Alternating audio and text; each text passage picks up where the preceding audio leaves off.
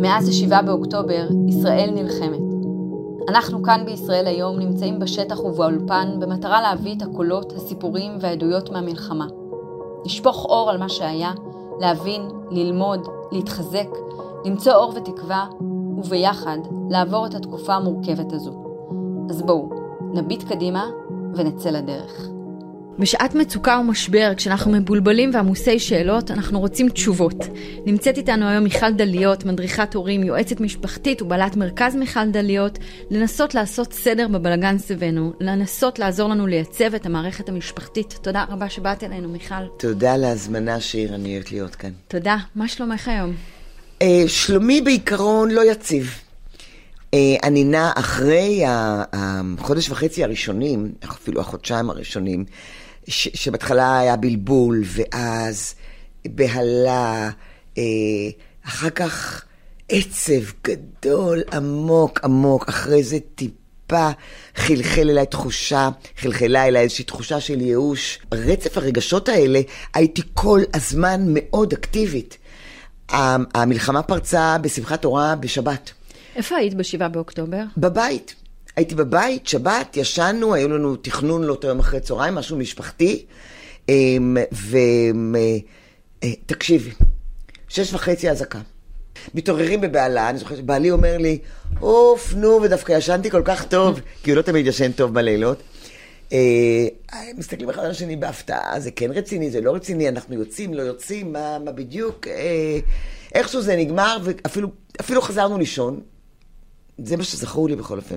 בתשע ומשהו שוב, ואז כבר אני אומרת לו, כנראה זה רציני, אז אנחנו הולכים כמו המבוגרים, נקרא לזה, משנות ה... כל האנשים משנות ה-30 ומעלה, הולכים ופותחים טלוויזיה. מידע, כן. הולכים ופותחים טלוויזיה בזכייניות, 11, 12, 13. כן. ומה שאנחנו רואים זה אנשים רצים. נובה, מסיבה, אנשים רצים, לא לגמרי ברור. ורבע שעה אחרי זה אני מקבלת שיר, סרטון, מאחת הנכדות שלי, בת 14. ובסרטון רואים ילדים קטנים בכלובים, והיא שואלת אותי מלמטה, סבתא, זה הילדים שלנו שחטפו אותם מעוטף עזה? ושם הייתה איזושהי תובנה שמשהו אחר קורה. שם נופל לך האסימון. שמשהו אחר קורה. כן, שאנחנו באירוע גדול. ממש. מתי אני... מתחילים הטלפונים הראשונים אלייך לבקש תשובות? ב- באותו יום. מה באותו אומרים יום, לילדים? באותו יום, באותו יום, ראשון שני עסקתי, מיום שלישי, ביום שלישי של אותו שבוע אני כבר הייתי בהרודס, תל אביב. היו שם מפוני בארי, בתלמי אליהו, ו- אה, וזהו, ומאז, שם אני. עבודה. אז אני רוצה לשאול, מיכל, מה שאלו אותך הכי הרבה? זאת אומרת, כל כך הרבה מקרים וכל כך הרבה סיפורים. המון דברים, המון דברים. אה, אה, בהתחלה זה היה בהלה, אז הילד כן יודע, הילד לא יודע. עכשיו, אני בשתי חזיתות טיפלתי, גם במי שהיה שם בתופת הזאת. שזאת ממש טראומה לכל דבר. שהייתי בערבה. הייתי, הייתי בערבה כמה פעמים, אחר כך, אחר כך כעבור שבועיים הצטרפו אליהם המפונים מהצפון. הייתי בעין גב, שהיו שם גם חבר'ה מאשקלון וכמה חבר'ה מטבריה. האמת שכל אחד אבל חווה את זה אחר, זאת אומרת, מפוני נכון, הצפון אבל, הם במקום אחד והמפונים מהדרום במקום אה, אחר. אבל, כש, אבל כש, כשאומרת לי אימא, אישה בת שנות חמישים, שיש שם עוד ילדים קטנים בבית, והיא אומרת, אני חייתי בגן עדן, על גבול לבנון, בגן עדן. בילדות גדלתי בשלומי. עכשיו, אני לא יודעת אם, הילד, אם הצעירים יודעים מה זה שלומי, אבל שלומי זה היה כמו עוטף עזה. כן. טוב, אני לא יודעת אם לא יותר גרוע. קטיושות. כן. משהו נוראי, נוראי. ואז היא עברה ליישוב אחר, ואז אחרי מלחמת לבנון הראשונה, ואז גם השנייה, איכשהו כאן נקנה שם גם שקט, המערכה עברה דרומה, לפחות בתודעה של אנשים. ואז היא אומרת, אני יושבת בבית, בבית שלי בקיבוץ, שהוא גן עדן עלי אדמות, ופתאום יש אזעקה. היא אומרת לי, מיכל, אני דרסתי את הילדים בריצה בדרך לממ"ד. עכשיו, את מבינה שיצאה ממנה ילדה בת שש באותו רגע? מבוהלת, בטח. מבועטת. ואז ישבתי שם, היא אומרת, כולם כבר יצאו מהממ"ד אחרי כמה דקות, התביישתי לצאת. שמתי את עצמי לפני הילדים שלי, כאילו, אבל... כן. מה קורה לי? מה, קורה לכולנו? אז ההסבר הזה, המון הסברים. אמא, אמא שאומרת לי, אני בסוף ההיריון, עם ילד בן שנתיים, ילדה בת ארבע, בעלי מיום ראשון כבר לא בבית, ואני בלילה באזעקות לא מספיקה לצאת איתם לחדר המדרגות. ואחר כך הילדים שלא רוצים לצאת מהממ"ד. ואחר כך מתקשרת אליי אימא, ואומרת לי, תקשיבי, אנחנו מבארי. אני עם ארבעה ילדים, אנחנו עכשיו במלון בים המלח. הגדול שלי בן 13. מאותו יום לא מדבר. והיא דיברה איתי עשרה ימים אחרי. מקרה מורכב. לא מדבר. הוא מהנהן, הוא לפעמים מקסימום אומר כן או לא, לא מדבר, לא עונה. היא אומרת, הוא מטופל, אני מבינה מה קורה כאן. הוא- אבל הקטנה בת שש שואלת אותי, אמא, למה הוא לא עונה לי כל הזמן? למה הוא לא מדבר איתי? כן. מה אני אומרת לילדה? יחסים בין אחים, בטח. השאלות הן. אינסופיות, שיר. כן. אינסופיות. ילדים שלקחו מזרונים וישבו ליד הדלת. ילדים שלא היו מוכנים להתקלח שבוע, שבועיים, שלושה חודש. ילדים שלא יצאו מהממ"ד. אחר כך, אחר כך אחרי זה, רגע, אני שולחת את הילדים לבית ספר. אני כן שולחת, אני לא שולחת. אנשים... אז אני רוצה לשאול, בעצם אנחנו אומרים כל מקרה לגופו ויש התייחסות פרטנית לכל משפחה והמאפיינים שלה, אבל כמשהו כללי, את יכולה להגיד לנו, הרי החזרה לשגרה היא כל כך חשובה כן. כרגע, ואנחנו משתדלים כל כך, האמהות משתדלות כל כך לעשות בכאוס הזה איזושהי יציבות, איזה שהם צעדים קטנים. זה משהו שהוא נכון לגבי כולם, כולם צריכים לנסות לעשות את זה. כן, כן. את יודעת, אחד הדברים הראשונים שאני עשיתי, זה מיד התקשרתי לחבר טוב, קוראים לו שי שניידרמן, פסיכולוג, שמאוד בקיא גם בשבי ובטראומות, בגלל זה גם פניתי אליו, ו, וביקשתי ממנו להעביר קורס ליועצות שלי. אני במרכז מתפעלת 20 יועצות שהן מתחלקות גיאוגרפית בכל הארץ, למרות שמהקורונה המון עובד בזום. נכון. עכשיו שוב חזרנו לעבוד המון בזום. אז הנה משהו שטוב שלקחנו מהזום, את ה... את ה- גם את, מהקורונה. ה, את ההיערכות הזאת כן. בדיוק, ה- המיידית. וכן, וגם אני עבדתי המון בזום. כשחברות לקחו אותי למען ה-well-being של העובדים שלהם, עשינו הכל בזום. כן. אנשים לא יצאנו זה מהבית. כלי שדווקא טוב שיש לנו. מאוד, ו- וגם ההדרכות הפרטיות. והפסיכולוג שמתמחה בשבי, והוא ישר העביר לנו סדנה, לי וליועצות, של מה זה אומר, ודרך אגב, הסדנה הזאת, כמה שהיא כבדה, היא, היא מאוד עודדה אותי, ותכף אני אגיד לך גם למה. אז קודם כל למדתי את זה יותר לעומק. כן. לא אני- חשבת שבימי חיינו נצטרך לעסוק בנושאים האלה, להסביר אה, לילדים לא, שיש לנו ילדים חטופים אי שם מה בעזה. את אומרת לילד שאחרי 14 שעות בממ"ד, מוציאים אותו, אומרים לו להסתכל רק למטה, כן. לא לפתוח את העיניים, הוא מחזיק לאימא שלו בחולצה, כן. אימא שלו הולכת לפניו עם התינוקות. שלא יראה את הזוועות. והוא, וחיילים עוברים פה בצד כדי שהוא לא יראה מה קורה בצד ובזוועות, כדי לפנות אותם אחר כך לאיזשהו בית מלון. אז תגידי לי את, הרי אומרים שילדים הם בסך הכל מאוד חזקים ויכולים להסתגל, ואנחנו רואים את זה גם עכשיו. אני אגיד לך גם למה. מבחינת הבנייה של המערך הרגשי שלהם זה עוד בעבודה. אפילו המוח יש בו הרבה יותר אלסטיות. משלנו המבוגרים. כן, וה- ואצלנו כבר יש דברים מקובעים. אני אתן לך דוגמאות הכ- הכי פשוטות מהשטח. סיפרה לי אימא מבארי, עכשיו הילדים שם שומעים הכל. שבוי, נהדר, נ- אה, נעלם, נהדר. חשופים לכל המידע. אבל עכשיו, הם שומעים, הם לא שומעים סיפור קוהרנטי. אתה יודע, הייתה מסיבה, ואז תקפו, ואז אנשים ברחו. אוספים מידע חלק- מפה, מידע הם שומעים משם, מילים, כן. אפ, אפ, אפ, אפ, שומעים מילים. ואז באה ילדה בת תשע ואומרת לאימא שלה, אימא, מה יהיה אם אני אהיה נהדרת? עכשיו, כשאנחנו שומעות את המילה הזאת, מה אנחנו אומרות לעצמנו, שיר? מה אנחנו רואות בדמיוננו? את גלעד שליט, את רון ארד, את האונס שעברו הבנות בנובה, את כריתת הראשים, את, ה, את הבהלה, את הלהתחבא בין השיחים, את ה... מה אנחנו רואות? את השבויים שעונו למוות בסוריה, כן? או הטייסים שהיו בשבי במצרים. זה מה שאנחנו רואות כשאומרים לנו נהדר. והאימא בחוכמתה, וזה מה שאני גם מלמדת הורים, שנייה לפני שאת עונה על השאלה, תעני בשאלה אחרת. והאימא בחוכמתה הגדולה שאלה את הילדה, ממי, למה את מתכוונת נהדרת? מה זאת אומרת? עכשיו אני גם מלמדת הורים להגיד, מאיפה שמעת את זה? מעניין, מה אמרו לך? ולמה? אז לענות בשאלה קודם כן, כל. עוד לפני. מאיפה, למה, מי אמר? מה, מה את יודעת על זה? מה שמעת על זה? למה? כי התשובה תהיה מאוח- מעולמו של הילד. ולא משלנו. ואז האמא שאלה אותה, מה את מתכוונת, מאמי? מה זאת אומרת נהדרת? למה את מתכוונת? והילדה אומרת לה, לא, אמא, כי אם נגיד אני אלך לאיבוד ולא תמצאו אותי. את מבינה שלזה הרבה יותר קל לנו כן, לענות? כן. כי אין לה ידע קודם של שבי, עינויים, חיילים, אונס, אין לה את זה. זה אצלנו. לכן, קודם כל, נשאל איזושהי שאלה שתיקח אותנו לעולמו. לא, ואז גם לנו הרבה יותר קל, זה, זה חלק מהדבר. עכשיו, ה, ה, כמה דברים שהוא אמר לי, ואפילו אמרתי, למדתי מזה וזה חיזק אותי. אותו פסיכולוג שדיברת וזה חיזק איתו. אותי. למשל, אנחנו יודעים שפחות מעשרה אנשים שחווים טראומה לא יהיו פוסט-טראומטיים. כן. לא יהיו. אז זה דווקא מעודד אותנו, זה אומר לנו שלא כל המדינה, למרות שאנחנו מרגישים נכון. קצת שחווינו אירוע גדול לא- וקשה, כי אנחנו גם, האמת בינינו בורים במה שאנחנו, זה לא העסק שלנו. אז רק עשרה אחוז אולי יפתחו את אולי הסימפטומים ש- של פוסט-טראומה. כן, וכל כן. היתר, מה יהיה איתם? פוסט-טראומה בעצם אומר שחצי שנה, שנה, שנתיים, עשר שנים אחרי האירוע הטראומטי, עדיין האירוע מנהל אותי. עכשיו צריכים להבין, טראומה מייצרת, טראומה יכולה אה, לגרום לנו להחלטות שהן תוצר של הטראומה. למשל, החלטה יכולה להיות לאנשים צעירים בשנות ה-20 שלהם, אני לא עושה ילדים. אני לעולם הזה לא מביא ילדים. כן. וזאת החלטה שמלווה את חייו, אבל יהיו לו חיים אחרים ונהדרים ומאושרים ומלאים. או ההחלטה היא שאני מחליפה מקצוע. אני מבינה שזה לא המקצוע שלי, אני מהיום עוסקת בבני אדם, או מהיום יותר לא עוסקת בבני אדם, זה גדול עליי, אני הולכת לחשבונאות, או אני עוזבת המדינה, או אני עוברת דירה. זאת אומרת, היא יכולה בהחלט לגרום לנו לקבל החלטות משנות חיים. אבל זה גם אבל- ה-90 אחוז יכולים לקבל את ההחלטות האלה נכון, עכשיו. זאת אומרת, זה יכולה להיות בהחלט תוצאה של טראומה, קבלת החלטות משנות חיים. כן. אבל הטראומה לא מנהלת אותי. מנהלת אותי זה אומר של... שאם היום אני מוצאת אימא שלא שולחת את הילדים לבית ספר כי עלול להיות מצב של חדירת חוליות מחבלים, זה פוסט-טראומה. כן. מבינה? כי זה כבר לא מותאם זה- למצב בדיוק. של- זה הטראומה עדיין מנהלת אותה. את- אבל אני. כן אשאל, יש עדיין כעס ואי אמון ובלבול וכאוס עדיין מאוד מאוד גדול ברמות מסוימות, גם באזורים מסוימים. אז אפשר, אפשר להבין שאנשים מרגישים שהם במצוקה מאוד גדולה. כי זה בדיוק העניין, אנחנו על פניו באירוע מתגלגל שיר. נכון. זה עוד לא נגמר.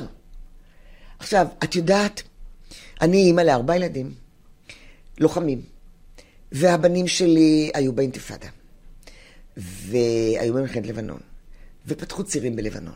והבן, אחד מהבנים, הבן הצעיר יותר בין הבנים, הוא מפקד טנק. אז אני יודעת מה זה להיות מפקד טנק, להיות עם הראש בחוץ, אני יודעת מה זה, מה המשמעות. של זה. והוא היה במלחמת לבנון השנייה, והוא נכנס ללבנון, וזילבו בהם, והרגו בהם, והם יצאו החוצה. והיו חסרים אפודים קרמיים, ובעלי עלה לצפון להביא להם ג'ריקנים עם מים.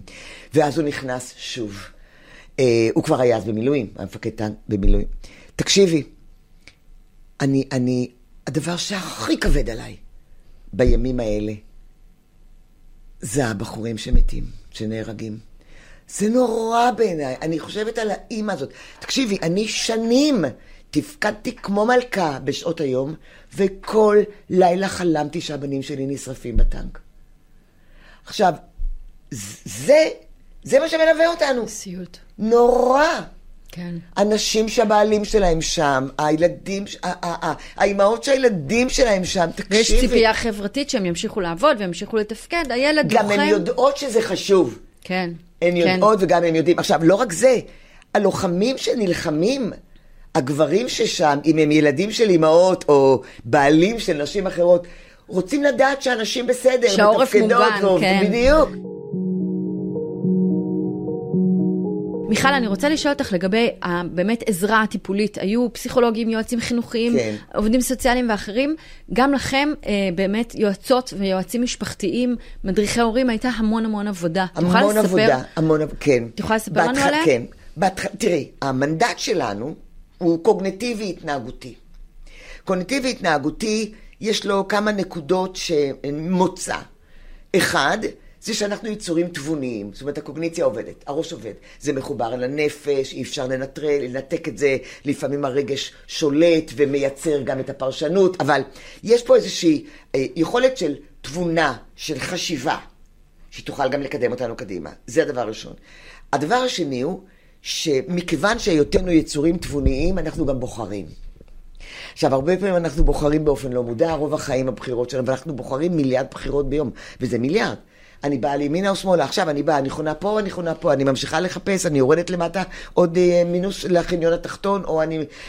כל הזמן, מה אני לובשת בבוקר, אני קמה, אני לא קמה, מה אני שמה בתיק, אני לא... על מה אני מדברת פה? אה, מלא, מלא, בחירות. מלא בחירות, כל הזמן, כל הזמן, כל הזמן. אה, ו, וזה יוצר איזשהו סוג של עוצמה. ועל העוצמה הזאת אנחנו עובדות. ועובדים. על העוצמה הזאת גם יש לי תמיד גם תלמידים. אני כל שנה פותחת מחזור של לפחות 100 תלמידות, ובמה ותמיד יש נתקלתם? ארבעה תלמידים. תלמידים. אה, כן, זכרים, יפה, כן, כל כן, הכבוד גם- להם. גם בנים, כן, אמיצים. מאוד, מאוד. אז במה אתם באמת אה, נתקלים עכשיו בשטח? איזה אז זהו. שאלות עולות מהשטח? זהו, אז בהתחלה היינו צריכים רק לדב, לטפל באז מה אומרים לילדים. עד כמה מסתירים, האם משקרים, מה זה אומר לשקר לילד. כן. היא ילדה בת ארבע שאומרת, אבא הולך לצבא, הוא ימות? מה אימא אומרת לה? אולי, כן, תראי, או שהיא אומרת לה, ממש לא. אבא שלנו כזה גיבור, הוא לא יכול למות. גם כן. כולם שומרים עליו. אז רגע, אני ממש משקרת לילדה איזה במצח שאלות נכוחה? קשות. אז רגע, אני משקרת. ומה יהיה אם חס וחלילה יקרה משהו? אז זאת אומרת, זה, זה איזשהו עיסוק גם של העורף, עוד קשיבי רגע. מלא מלא דילמות. כן. ואז, כשעברנו את הכבר, ואיכשהו יש את השגרה, ופחות או יותר יש איזה שהם מענים, ויודעים גם לאן לפנות, גם בהרצאות שלי, גם בהדרכות שלי, פרטניות ממש, שלי ושל היועצות שלי, ואז התחלנו כבר לדבר על חוסן. זאת אומרת, איכשהו כבר נגיד עבר חודש, חודש וחצי, כבר התחלנו באיזשהו אופן לחשוב על שגרה, גם הנה, תראי, אני אתמול דיברתי עם מישהי שגדלה כילדה בניר עם. כל הזמן אה, פגזים, כל הזמן צבע אדום, כל הזמן זאת רעשים. המציאות שלהם. ואז היא התחתנה, ואז היא אמרה, די, אני לא רוצה, לא, לא מסוגלת, לא מסוגלת, לא מסוגלת לגדל את הילדים שלי פה. לא יכולה, לא יכולה, לא מסוגלת, לא יכולה, ועברה לגברעם. שעדיין זה מאוד מאוד קרוב, אבל שם אין צבע אדום ואין הפגזות. וגברעם, ו- ואז הם פונו. כי שוב, הם, הם, הם, הם... קרובים מספיק. בעצם הילדים אה. כבר לא עברו את מוראות עוטף עזה, אבל היא אומרת לי, מיכל, אני, אנחנו בחודשיים עברנו שבעה בתים. וואו. יש להם ילדים בני שש ו- וילדים יותר קטנים. זאת אומרת, אז, אה, כל הטלטלות והדברים. כן. אז הילד שלא עבר את מוראות העוטף עזה והמלחמה, אבל עדיין, עקור, עקור, עקור, לא במסגרת, לא בבית, וההורים במתח וסיר לחץ. כן. ולאן עוברים? עד שרק עכשיו, לפני שבוע, הם התיישבו, אני בכוונה לא אומרת איפה, אבל הם התיישבו בקיבוץ אחר, וזהו, שכרו ששוכרים שם בית, יציבות. ושם תהיה איזושהי יציבות. כן. עכשיו, אם, אם גם אני, אני עדיין מסתובבת בבתי מלון עם מפוני שדרות, מדברים איתם על סוף פברואר. עכשיו, אני גם מי יודע שאם זה סוף פברואר. לא יודעים. אם אלה מהצפון מדברים כן. איתם על פסח. מי יודע? ומאוד כן. קשה לנו להתמודד, גם לנו המבוגרים, עם אי-ודאות. אז בעצם אני רוצה לשאול אותך, איך אנחנו משדרים להם איזושהי ודאות, איזושהי יציבות, כשאנחנו בעצמנו כל כך לא יודעים, לא מרמים. יודעים... מרמים. מרמים. fake it until you make it. אוקיי. תראי, יש, אה, אה, יש להורים כל מיני תפקידים. ונדבר רגע, קצת אנחנו בפריזמה מאוד מאוד צרה של מה שאנחנו מדברות בו היום. ה- ה- ילדים, אפשר לעשות את זה בדימוי, אני אוהבת דימויים, כי אני גם אה, רואה כאיזה גרפית מול העיניים. ילדים הם כמו סירות בים. סירות מפרש, סירות מנוע, גדולות, קטנות, צבעוניות, אה, איטיות יותר, מהירות יותר, כל מיני סירות ששטות בים. והים זה היקום, הים זה החיים. והים היום מאוד סוער, מאוד סוער. והתפקיד שלנו בהסתכלות על הילדים, גם על מתבגרים ואפילו על החיילים שחוזרים הביתה. ההסתכלות שלנו צריכה להיות זה שאנחנו העוגן. עכשיו, זה גם ביום-יום, אני מלמדת הורים להיות המקום הזה, אבל היום על אחת כמה וכמה. ועוגן זה אומר, תדמו רק רגע, את הסירה הזאת נטרפת בגלים האלה של זה, והעוגן משולשל למטה ועומד קבוע באדמה. אז גם כשאנחנו לא כל כך יודעים מה יהיה מחר, לא בטוחים בעצמנו, הילד, כשהוא מסתכל עליי, עוגן, או המד... צריך לראות, משהו יציב. וגם אם אני אומרת לו, מני, אני ממש לא בטוחה, אבל תקשיב, אנחנו יודעים להתמודד עם מצבים כאלה, זה עוגן. אני רוצה לתת לילדים תשובה, שגם למתבגרים, שהם יוכלו לישון בלילה, שיוכלו להמשיך לנשום, שלא יגידו, מה, גם אותי יבואו לחטוף? הם שואלים. ברור. את יודעת שהם שואלים. ברור. גם אותי שאלו, ו- ברור. ואני מודה שנשימתי נעתקה ולא כל כך ידעתי מה לענות. והתשובה היא ממש זה לא יכול לקרות. זה, כן. זה לא יכול לקרות. כן. ואז ממשיכים ומשקרים ואומרים, אנחנו לומדים מהניסיון. אנחנו כן, אנחנו מר- לא לומדים מרמים- מהניסיון. מרמים כן, עד, גם- אה, עד קצת אין עצמנו, סוף. כ- כן. כמה שאפשר. תשמעי, אנחנו משקרים את הילדים, בואו לא נהיה צדקנים, אנחנו כן. משקרים את הילדים כל הזמן. הייתי עסוקה, כי אני יכולתי לבוא, לא יכולתי לבוא, לא הסתכלתי לך בתיק, לא לא כן. דיברתי עם אמא של החבר לא שלך. הסתכלתי לך בטלפון. אה, כן. אנחנו, כל הזמן. כן. אוקיי? אז, אז גם פה. אבל שוב, אה, צריכים להבין את הכוונה, וצריך גם לתת כבוד לילדים ולהבין שהם מבינים, שהם קולטים. וואו, מבינים כל כך הרבה. אני רוצה לשאול אותך על מתבגרים, כי ספציפית הזכרת אותם כן. פה כמה פעמים. גם בימי שגרה, לא קל איתם. החוצפה, התוקפנות, חוסר גבולות, יש שם הרבה בעיות נכון, ביום-יום. נכון. מה עושים איתם ישר עכשיו? להעיף אותם מהבית. אי אפשר, לא.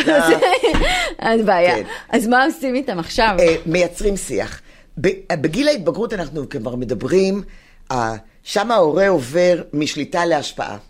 בוא נגיד, בגיל שלוש, כשהילד אומר לי, אני לא רוצה לבוא, אני מרימה אותו ולוקחת אותו. ובגיל שבע, אם הוא אומר לי, אני לא רוצה לבוא, אני יכולה באיזשהו אופן לאיים, לשכנע, אני יכולה ללכת על סנקציה, אני יכולה ללכת על פרס. אני לגרום לו לבוא בסופו אני יכולה של לעשות דבר. קצת רגשי, אני יכולה עדיין לייצר מצב שהילד בסוף יגיד, אוף, יבוא איתי. לא בגיל 14, גם לא בגיל 13, אוקיי? ושם אני כבר צריכה לייצר מערכת יחסים שיש בה אה, אה, השפעה, שיש בה אה, אה, אמון וכבוד, ו, וגם תן וקח, אבל הדדי. אז בעצם זה מה שאת אומרת לעשות, אבל ליצור איתם כל הזמן קשר רציף. כל הזמן. לא ו- לוותר עליהם. ולכן אני יודעת שהם יראו דברים, וכנראה גם לא כן. ישתפו אותי. נכון. אבל אם אני רוצה לראות, אז אני, אז אני אבוא ואני אגיד, ממי, תראה לי, שתף אותי, אני רוצה לדעת גם מה שאתה רואה. אני גם מבינה שאתה רואה דברים שאני לא חשופה אליהם. נכון. עכשיו, זה לא שאני רוצה יש להם שליטה הרבה יותר גדולה לא- מאיתנו זה לא מה שאני- ברשתות. זה לא מה שאני, אני ממש לא כל כך רוצה לראות את זה, אבל אני כן רוצה לדעת מה הוא יודע. כן. ואז אני באיזשהו אופן אוכל לדבר על זה. אני בדיוק כמוך, מיכל, אני לא רוצה לראות את זה, אבל, אבל- אני אבל רוצה אני- לדעת. אבל אני כן. רוצה לפחות לייצר סוג של שיח עם הילדים. ואז אם נגיד יש לי ילדים שלא משתפים אותי ולא מספרים, איך היה? בסדר, תרחיב, בסדר גמור. אוקיי? כן, שיחה טובה. לגמרי. אז אז אני אתחיל לדבר על זה עם בן זוגי או עם בת זוגתי, או אני אעשה בטלפון כאילו אני מדברת על זה עם אימא שלי. אני, אני מאפשר, אני שמה את זה על השולחן. מה אתה אומר? שמעתי על הדבר הזה, קראת את השמות של הזה, וואי, ליבי. ממש. ואז הילד שומע אותי בתוך העניינים, ואז יש סיכוי שאם משהו עובר לו, עובר לה שהוא בראש, יפנה אליי. אוקיי. אולי הוא יעלה את זה, אולי הוא ידבר על זה גם. אנחנו באמת, אה, מיכל, איך אנחנו באמת יכולים לדעת לזהות עכשיו מצוקה אצל ילדים שנובעת ישירות מהמלחמה? זאת אומרת, לא דברים שהיו שם קודם עם רקע, אלא ילד שלא רוצה עכשיו ללכת לבית הספר, או לחוג, או לנוער העובד. כרגע זה כבר לא חשוב שיר אם זה נובע ספציפי מהמלחמה. אני לא מדברת על מה שהיה. אם אני רואה, אני מדברת על היום, על עכשיו וקדימה. אני לא עושה לו טיפול פסיכואנליטי של שנתיים, גם להבין שזה מהמלחמה, ואז מה אני עושה עם הדבר הזה? כרגע יש לי ילד נמנע שפוחד ללכת. נכון. אז א', אני צריכה לדבר על הפחד, אני צריכה לחזק את הביטחון העצמי, אני צריכה להבין שיש פה קושי מאוד גדול. אני צריכה לבדוק איך הילד המסוים הזה, אני מחזירה אותו לשגרה. את מי אני, במי אני נעזרת? האם ביועצת? האם במורה לספורט? האם בחברה טובה שלי שהוא מאוד מעריך אותה? האם בבעל של אחותי, שהוא נורא מעריך אותו? זה- מודלים. מישהו, לי... אני- כן. מישהו שהוא יכול... אני לה- יכולה לנחש ולהגיד, תמיד הוא היה קצת חרדתי, ועכשיו זה הקפיץ את זה עוד יותר. זה כזה פחות חשוב. אני רוצה לדבר כרגע על הקושי של הילד, ולהוציא אותו הלאה. ואז תוך כדי דיבור הילד יגיד, אבל אני פוחד, אולי תבוא חוליה. או הילד יגיד, אבל אני מפחד, כי כשיש אזעקות, יש בלאגן בבית ספר, כולם ירוצו וידרסו ואני לא אספיק להגיע. עכשיו, אז אם הוא אומר, אני לא אספיק להגיע, אז קודם כל אני רוצה לשמוע את המישהו שהוא יהיה- הוא הוא יסכים לדבר איתו. בהחלט, אבל פה גם צריך את עזרת בתי הספר, הצוותים החינוכיים, זאת אומרת שיהיה פה איזשהו דיאלוג איתם. אמ, תראי, נכון, אפשר, זה לא תמיד אפשרי. בשביל זה צריך להגיע לבתי הספר, בגלל זה אני מגיעה היום, ויש לי באמת, ואני קוראת למועצות ועיריות לפנות אליי, אני מפעילה היום את היועצות שלי, שהן גם נשות חינוך, שהן גם באות מפדגוגיה. הנה, עכשיו אני מפעילה למשל בעיריית רמת גן, סדנאות, שתי סדנאות, אחת מהן זה למדריכים של... אה, אה, מורות בצהרונים, והשני למורות ולגננות בצהרונים. כי יש באמת משחקים שאת ממליצה עליהם עכשיו, או ספרים, דברים שבאמת אוי, יכולים לעזור. תקשיבי. וואי, הרמת לי להנחתה. תודה, תודה. שמחתי. שלושה שבועות אחרי פרוץ המלחמה פנה אליי אה, כפיר, שהוא מישהו שיש לו חברה להמצאת משחקים. והמצאנו משחק. ואפילו לא היינו צריכים יציר... להיות יצירתיים בבחירת שם. יש לנו משחק שנקרא יחד ננצח. כי ממש. בול השעה. כן, טוב, את רואה, אני לא אשת שיווק, אפילו לא הבאתי להראות אותו למצלמה, אבל יחד ננצח. משחק קלפים? כבר- זה, זה משחק, הוא לא ממש קלפים כאלו, הוא משחק של אה, הקלפים שמסודרים על השולחן, ויש לו משימות. עכשיו, אין בו מנצח אחד, אנחנו צריכים לעשות איזשהו סוג של שיתוף פעולה. זה משחק שבין שניים לחמישה משתתפים. כי מה ראיתי לנגד עיניי? א', את המשפחה ביחד. נכון. ב', אה, בתוך המשימות הכנסתי דברים שהם באים מתוך העולם המקצועי שלי. כי למשל, אני אתן לך דוגמה, אה, אחד מהדברים שמשחררים לחץ זה לעשות פרצופים. או לעשות דברים כאלה. ככה, יחד עם... נורא מצחיק, אבל עושים את זה גם בגנים. אני ולמה? זה מפעיל מערכת עצבית שנקראת פרה, פרסימפטית. והמערכת העצבית הזאת, כשהיא עובדת, היא, היא דוחקת, או היא מרגיעה, היא זורקת מהגוף את מה שעושה המערכת הסימפטית, שהתפקיד של המערכת הסימפטית זה בעצם לגרום לי להישרדות. לבהלה, ל... מה אני עושה? מה אני עושה? אז היא מרגיעה את הלחץ, מפחיתה? בדיוק, okay. אוקיי. היא מרגיעה את הלחץ. אז בכלל משחקים מיני... נורא נורא מהנים ומגבשים, ועושים עכשיו, לנו גם הקלה. גם בעיתות שלום, אנחנו יודעות מצוין שכשאנחנו עסוקות, אנחנו לא חושבות על הצרות שלנו. נכון. אבל גם נזכרות... משחקים בכלל עושים את זה, עושים לכן, כיף, ו... עושים צחוק, הנאה. בדיוק. כן. אז, אז יש שם כל מיני משימות של לספר עליי ומה החוזקות שלי, ושאחרים יגידו, ו- ושאני אגיד מה, מה אני חלש, ואחרים ידעו לעודד אותי. מעולה. את אופטימית אבל כשאת מסתכלת על היום אחרי? אני אופטימית כי אני טיפוס אופטימי. ואני אמ, אני מתקשה, אני מתקשה, אני מודה, בחודשיים האחרונים, להיות את האופטימית הרגילה שלי. שהיית. אבל אני כן סומכת על הכוחות של אנשים. אנחנו, היום ההרצאות שלי הן על מה זה חוסן. ואיך אנחנו כמבוגרים יכולים, וזה חלק מהטיפול בטראומה, איך אנחנו מוצאים את החוסן בעצמנו ואיך אני מפתחת חוסן בלעדיי. חוסן זה משהו שצריך לפתח אותו. זה, אה, אפשר לקרוא לזה במילה אחרת ביטחון עצמי. זה משהו שאנחנו כהורים מפתחים או לא מפתחים בילדים שלנו. כן. ולכן על זה אני עובדת היום. ובעצם חייבים אותו.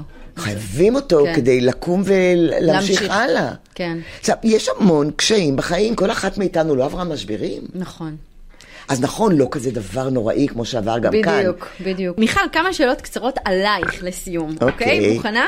אוקיי. אילו יכולת לבחור לעבוד בכל עבודה, באיזה עבודה היית בוחרת? תראי, קודם כל אני בחרתי בעבודה הזאת כבר בגיל 17-18 אה, בלעזור לאנשים. אה, אה, אם הייתי משהו קצת שונה, הייתי סטנדאפיסטית. את עדיין יכולה להיות. כן, אני עושה את זה בהרצאות. אני עושה. אי אפשר לדבר שעה, שעה ורבע עם אנשים בלי מדי פעם להצחיק אותם, ואני עושה את זה מעולה. זה תפור עלייך. מי האדם הראשון שתתקשרי אליו בשעת משבר? דעתי בעלי. את לא בטוחה? אני חושבת שבעלי, פשוט כדי שהוא יגיד לי כמה אני נהדרת. זה כיף. ואחר כך יש לי, יש לי כמה חברות. שאליהם אני, אני אספר, אני אפילו אקח אותם יותר עמוק מאשר את בעלי. כי בעלי אני עדיין גם מחזיקה מעצמי כדי לא להכביד עליו. ואז אני מוצאת את ה... ואז יש לי את החברות ש... שאת יכולה. כן. עוד יותר מולן. כן. אם היה לך קעקוע, מה היה כתוב ומצויר בו? אה, אני חזקה. קודם כל, יש לי כמה קעקועים. יש לך קעקועים? כן, אני אראה לך אחד מהם. ועל אחד מהם כתוב loving and courageous, זאת אומרת, אוהבת ואמיצה. והקעקוע הבא שאני אעשה אותו עוד מעט יהיה אה, אני ערה. אני ערה, וואו, חזק. מה הדבר שעוד לא ניסית ואת מתה לנסות? אה, נורא רציתי תמיד, כי אני אה, הולכת על אקסטרי, אקסטרים. אה, אה, בנג'י. עשיתי בנג'י, אבל לא מגבוה מאוד.